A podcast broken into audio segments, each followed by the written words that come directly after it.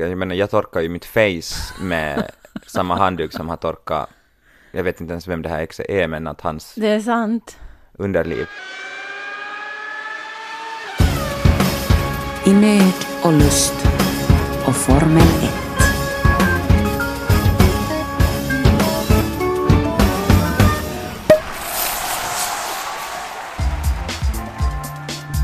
Välkomna till Formulapoddens första Krapula-avsnitt. Ja, vi har haft inflyttningsfest igår och det känns.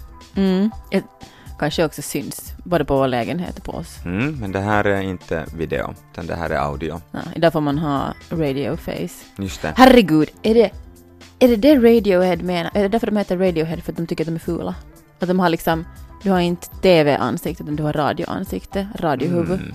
Tom York är ju inte en, en eh, så här klassisk skönhet, Alltså jag, men, jag försöker inte alls nu shamea dem och säga att de är fula, jag vet inte ens hur de här killarna ser ut, utan jag bara funderar att kan det, kan det ligga någonting i det? Det kan nog vara. För det skulle inte vara så djupt och mystiskt som, som alla Radiohead-pojkar vill att det ska vara. Men är de nu så djupa och mystiska? Herregud vad de är djupa och mystiska. Är de inte mest bara liksom där melankoliska och patetiska? Men det kan du väl ändå inte påstå? De är ju inte emon. Är Radiohead inte emo? Det där har jag aldrig tänkt på att... Det är ju super-emo! Ah, Jag, är- jag är ett creep och du vill inte älska mig för att jag är ett creep. Vad är det om inte super-emo? Det här är ju hemskt, jag har aldrig tänkt på det. Men inte du, Men hej, alltså- hej, hej. All musik är emo då också. Musik är ju liksom känsla, typ per definition. Nå jo, men nu finns det ju liksom I wanna hold your hand är inte liksom lika emo som I'm a creep.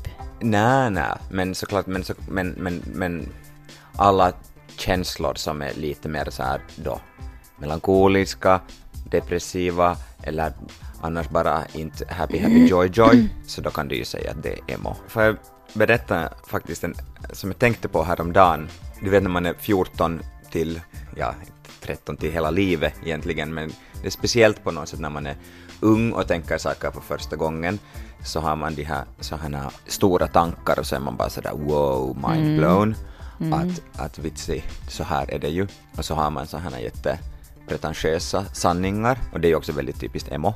Livet är om, handlar bara om smärta och det finns ingenting som är Men är det inte sanna- existentiell kris egentligen? När Ja. man på något sätt är det det att man i första gången man kommer i kontakt sådär på riktigt med sin egen dödlighet? Ja, och man har, man har första rundan av tankar om att vad handlar det här livet om och, och vad är meningen med livet och bla bla bla. Anyways, plötsligt så fick jag en sån här klar insikt. Jag vet att jag gick i gymnasiet, jag tror att jag gick på ettan i gymnasiet, att drumroll, musik är ju känsla. Och, att det här, och det här var för mig en jättestor Att insikt. musik är lika med känsla? Ja, musik är lika med känsla. Att musik är, som man säger, vet du, att arkitektur är som stelnad musik. Sa någon, vet du, så här. Uh. Och så var jag sådär, musik är ju bara en annan form för känsla. Och så var jag jätte så här störande till min kompis. Äh, var, sådär, var jag sådär att, vet du, jag vet vad musik är. Aha, vadå, vad är det då? Nej, jag ska inte säga. Vadå, vadå, vad, vad är musik? Vad, vadå, vadå? Nej, alltså jag har bara insett, jag har bara insett här att vad musik är. Nå, säg nu. Nej. Att vadå? Och så säger han att vadå liksom musik är känsla? Och jag bara Nä, nä, säger jag. Mitt insiktsfulla ego fick sig en, en hälsosam liten sån här knäpp. Musik väcker ju olika känslor hos olika människor. Jag gjorde ju någonting lite förbjudet här i, i förrgår. Ja, jag hörde här om det, du berättade om det igår. Jag lyssnade på ditt sommarprat från 2013. Du får inte säga det här, nu kommer andra att lyssna på det. Det är jätte... Det är ju jätteskämmigt. No, men det, det finns ute på arenan Du om... får inte säga det här! Åh, Nej, men jag tyckte, vet du vad jag tyckte var så fint? nå. Så här, det var ganska allvarligt, du ska inte vilja recensera nu ditt sommarprat här, men det var liksom en allvarligare eh, Os- Oscar där, en Oscar som tog... En pretentiös Oscar. Nå, du kanske lite pretentiöst, men behöver det vara dåligt, men sådär att, att allting var sådär på tossi. Men jag tyckte det var så, det som var så fint var att du eh, valde att lyfta fram uh, Extrems och Vegas musikproducenter, musikchefer Du var sådär, hör ni nu att de här människorna får så jävla mycket skit och Ja. fattar ni vilket jobb de har? Och det, herregud det här med att välja välja musik och när folk har ju så många olika associationer och smak och tycke att du på något sätt hyllar deras svåra jobb och det tyckte jag var helt superfint. Mm, det var fint. Tack. Jag hade ju dessutom faktiskt en sån här rolig, ett roligt skämt där i början när jag det där skulle presentera första låten. Och så, så att ja, att det går ju inte att just tillfredsställa alla och så vidare. Och nu lyssnar vi på Lamb of God som är så här, det heter väl math metal eller någonting så här väldigt, väldigt hård rock. Ja. Och så spelar jag en halv minut av det, bara för att det var roligt. Och så spelar jag Radiohead. Ja, det gjorde du. Hur kände du då? Nå, jag var ju inte, inte var jag ju överraskad att du spelar Radiohead, att du var en av, en av de killarna. Ja, Mm, det är helt okej. tänk att se att du ändå sen gifte dig med en Radiohead-kille.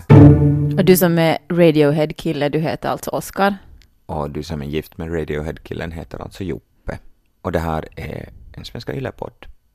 Fast jag skulle också gärna vilja ha någon sån här epitet, då vill jag vara, då vill jag vara Orup-tjejen, eller Kent-tjejen, eller någonting. Du är nog mera Kent-tjej, vad jag vet. Men vi är, bo- vi är ett gästpar, båda två. Det är vi, Glenmark Eriksson Strömstedt. i nöd och lust. I nöd och lust.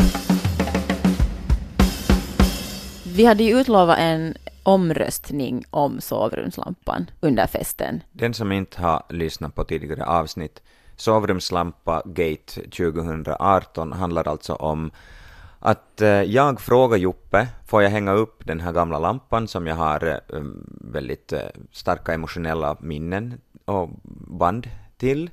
Och Joppe tittade inte riktigt på den och bara sa jo, jo, det går bra. Men jag frågade, för att jag visste att den här kan vara lite kontroversiell i sitt utseende. Anyways, så sätter jag upp den och eh, Joppe inser att hon hatar den. hon, hon säger det åt mig väldigt snällt.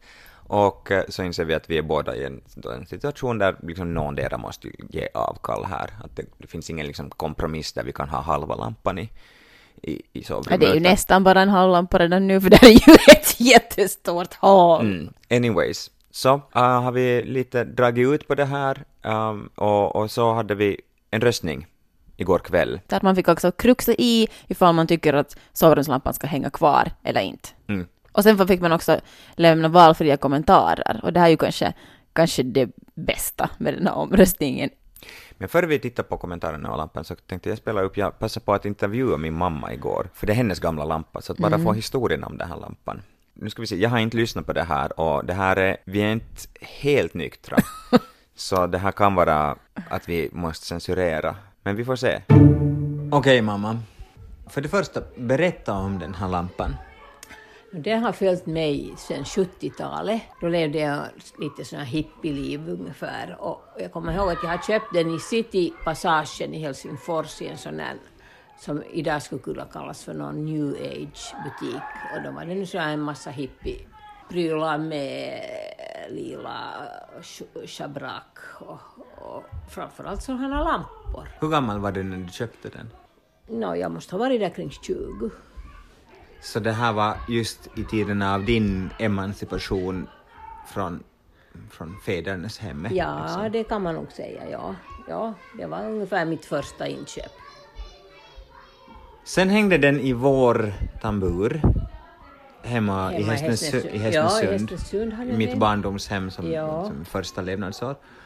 Och Före det hade den nog levt också på andra ställen där jag har bott. ja, Ja, så när folk säger att den påminner om torkade köttbullar, hur känns det?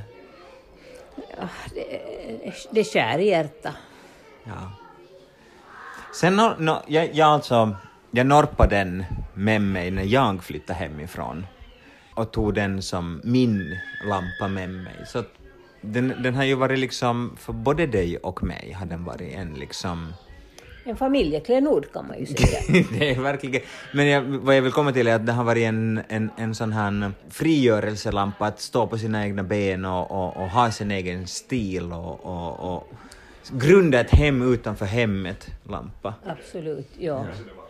ja. Men hur känns det nu då när Joppe är nog, alltså, och jag, jag, jag måste ju säga att så blind är inte min nostalgi för den här lampan att jag inte inser att man kan tycka att det här är en väldigt ful lampa. Så när Joppe inte vill ha den i vårt sovrum, hur, hur, hur reagerar du? Måste ta ställning till det här. Är du obekväm att ta ställning för att du inte vill komma mellan mig och min fru eller för att du inte vill komma mellan mig och min nostalgi för den här lampan? Närmast det första. Ska jag berätta en hemlighet? Jag har redan varit beredd att ge upp den här lampans plats i vårt sovrum åtminstone redan direkt som Joppe inte tyckte att det var en bra idé. Men, men det är ju att dra ut på det. Ah, Få en natt till med lampan. Ja. Det var ju fint att, att höra. Men alltså jag tycker att det finns någon, en, en kärna som ni pratar om där, som eh, jag faktiskt pratade om med din pappa. Det här som ni säger att den symboliserar frihet och emancipation från familjehem, från fädernes mm. hem, från livmodern etc. Det är ju just därför vi inte ska ha den. För det här är ju navelsträngen som hänger kvar. Aha. Okej, din pappa sa något mycket mer psykologiskt och sådär. Mer freudianskt. Ja, att vi ska att ha liksom sin mamma eller svärmor eh, hä- Hä- hängandes där ovanför ens eh, säng. Att det kanske är, är någonting man Jaha. inte ska ha. Jag har inte ens tänkt på det ur Mm, men då när jag planterade det där så. Ja, nu går det ju inte, verkligen inte att ha den kvar. Sen var det ju inte bara min mamma som hade varma känslor för lampan på grund av nostalgiska skäl, utan även hela världens framtid. Det, det unga barnet tyck, gillar lampan. Det vill säga min gudson Aron, fyra år. Ska vi lyssna vad han sa? Att jag vill alltid ha den kvar där uppe. Du vill att lampan ska vara kvar där i sovrummet? Ja. Okej. Nej, Men vad, vad säger du att Joppe då när hon inte vill att den ska vara där för hon tycker den är ful? Mm, mm. Jag säger att jag vill ha den där. Du vill ha den kvar? Ja. Okej. Okay. Vi får se hur det går. Ja. Får jag, får jag äta min godispåse här så ingen ser? Jag vet hur det låter. Det, det låter som att du har mutat honom fucking busted. Köpt kärlek av en fyraåring. Ja, bara fört valkampanj med till budstående medel. Jag tycker att eh, det som, det som du och tydligen min pappa var inne på med det här freudianska spåret om att eh, ha sin, sitt förflutna hängande över en. Det, det, det var på något sätt ett bra argument för mig ändå, att det, att det är dags att vända blad här i, i, i livet, så som Knugen skulle uttrycka det. Se fram emot eh, nya ljusa tider med en annan lampa. Hur skulle du känna om jag skulle hänga upp en lampa där som jag skulle fått av ett ex? På på tal om att gå vidare. Jag skulle inte ha något problem med det, men om du sen skulle vara sådär att berätta en massa eh, snyfthistorier eller eh, känna just en massa starka, att han, den här lampan påminner mig om honom och allt det fina vi hade ihop, då skulle jag kanske inte riktigt Ja, eh, om jag ska hålla på och säga så, det fattar jag. Men i sig så. Men du har, men du har inte annars liksom problem med att ha prylar som är från liksom på något sätt från tidigare förhållanden eller presenter av ex? Har vi mycket saker här hemma som är av dina ex och utan att jag vet det? Inte som jag kommer på nu. Men det är klart att det kan, fin- det kan ju vara laddat sådant. Vi har ju en handduk som är en handduk som jag har typ tagit från ett av mina ex. Mm. Och det är ju intressant för att vad vad är mer intimt än en handduk? Jag menar, jag torkar ju mitt face med samma handduk som har torkat, jag vet inte ens vem det här exet är, men att hans Det är sant. Underliv. Um, Det var egentligen en byteshandel när han, han skulle flytta till Schweiz. Uttalar jag det rätt nu? Schweiz är det. Sch- Sch- Schweiz. Schweiz. Schweiz. Schweiz. Schweiz. Anyways, så ville han ha en jättelätt packning, så då bytte vi handdukar. Så att han fick en av mina tunnare, jag fick en av hans tjockare. Okej. Det är liksom storyn bakom det. Ingen så här jättekärleksfull förhandling. Ja. Jag har en gång lämnat en handduk medvetet liksom också efter att det hade blivit slut så hade jag så lämnade jag den, vi var på resa och så lämnade jag den efter mig. Att, och att jag vill inte sen, att nu får den här, nu glömmer jag den här handduken här.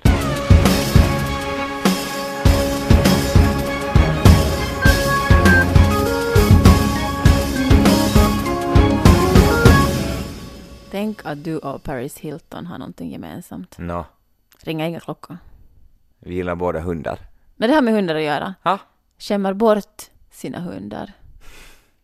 Du eh, har ju, köpte ju någonting väldigt eh, exklusivt för vår fest. Ja, det var nog en sån process. Jag gick går i butiken, en stor butik, och så hittade jag, vad är det här?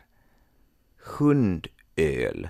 om min process är att nu hittar de nu på allting, att det här är nu höjden, att vi, vad är det för idioter som går och köper sen och hundöl för flera Vad är det euro? för idioter som, hur kan det här ens liksom finnas på marknaden? Och knappt hade jag tänkt Vad sa du att det kostade? No, jag vet inte vad den kostade, några euro, den var inte liksom sådär 50 cent.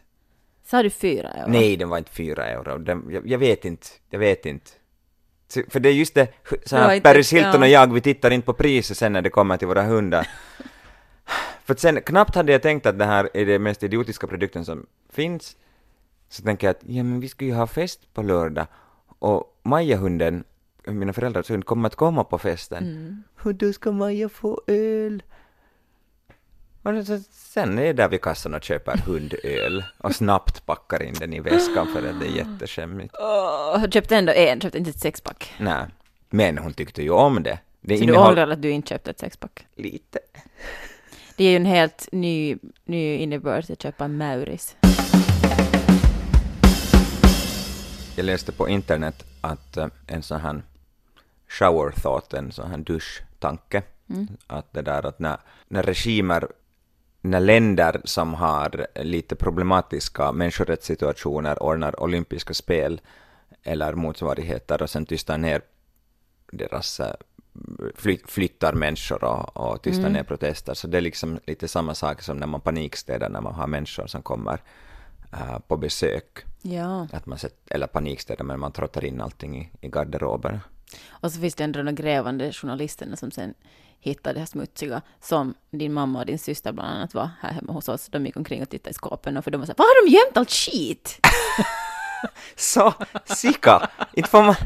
Man får, alltså det hör ju till Men jag- just att du inte ja. öppnar alla skåp när du, du får gå, och folk frågar ju jätte just sådär, får man, får man gå och titta? Jo, jo, titta var som Men helst. jag sa att nu får ni titta fast i skåpen, att vi har inget att dölja. Jag sa faktiskt det. Ja, du sa det.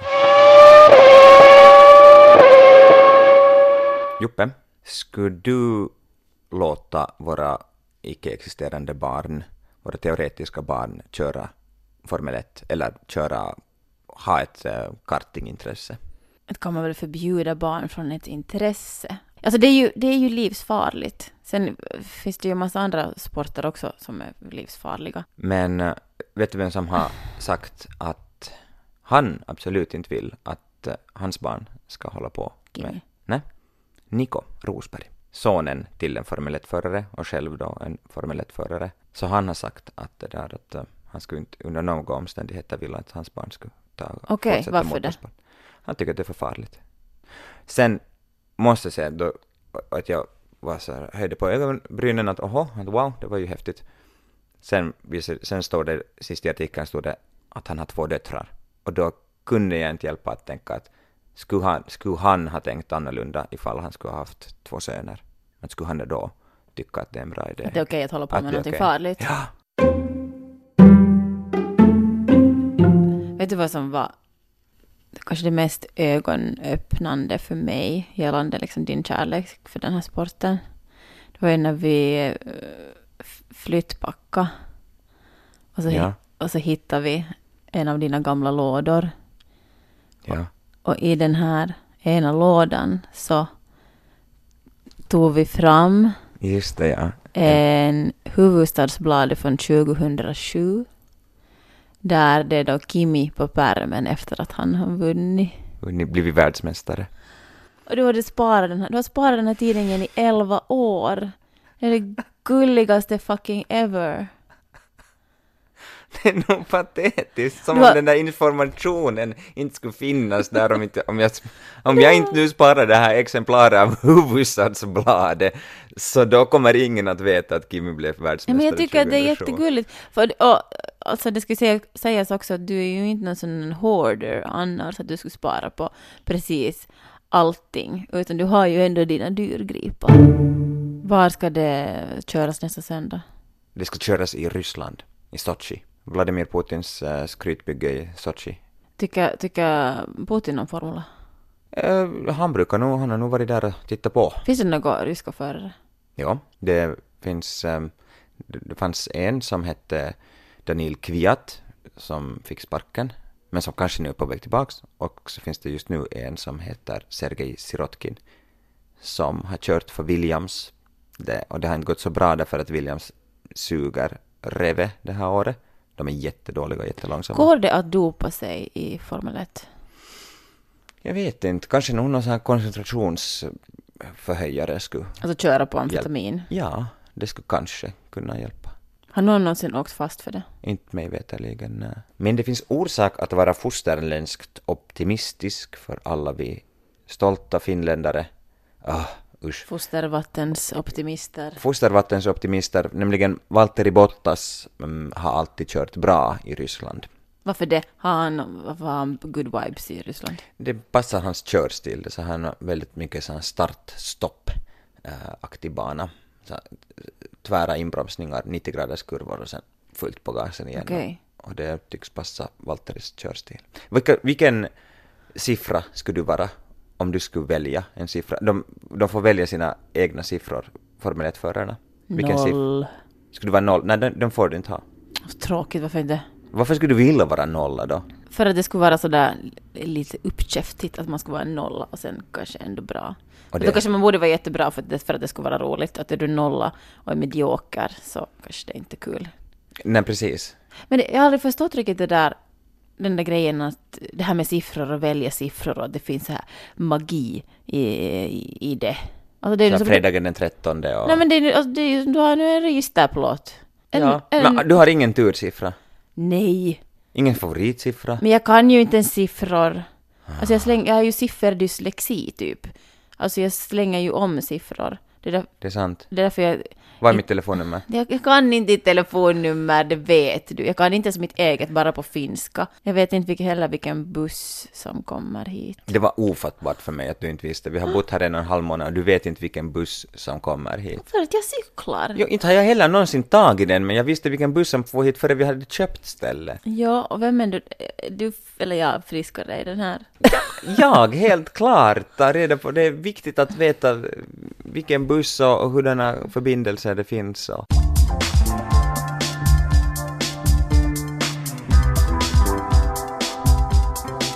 Det här har varit en Svenska Yle-podd. Musiken är gjord av Matti Raita. Och du heter Oskar. Och du heter Joppe.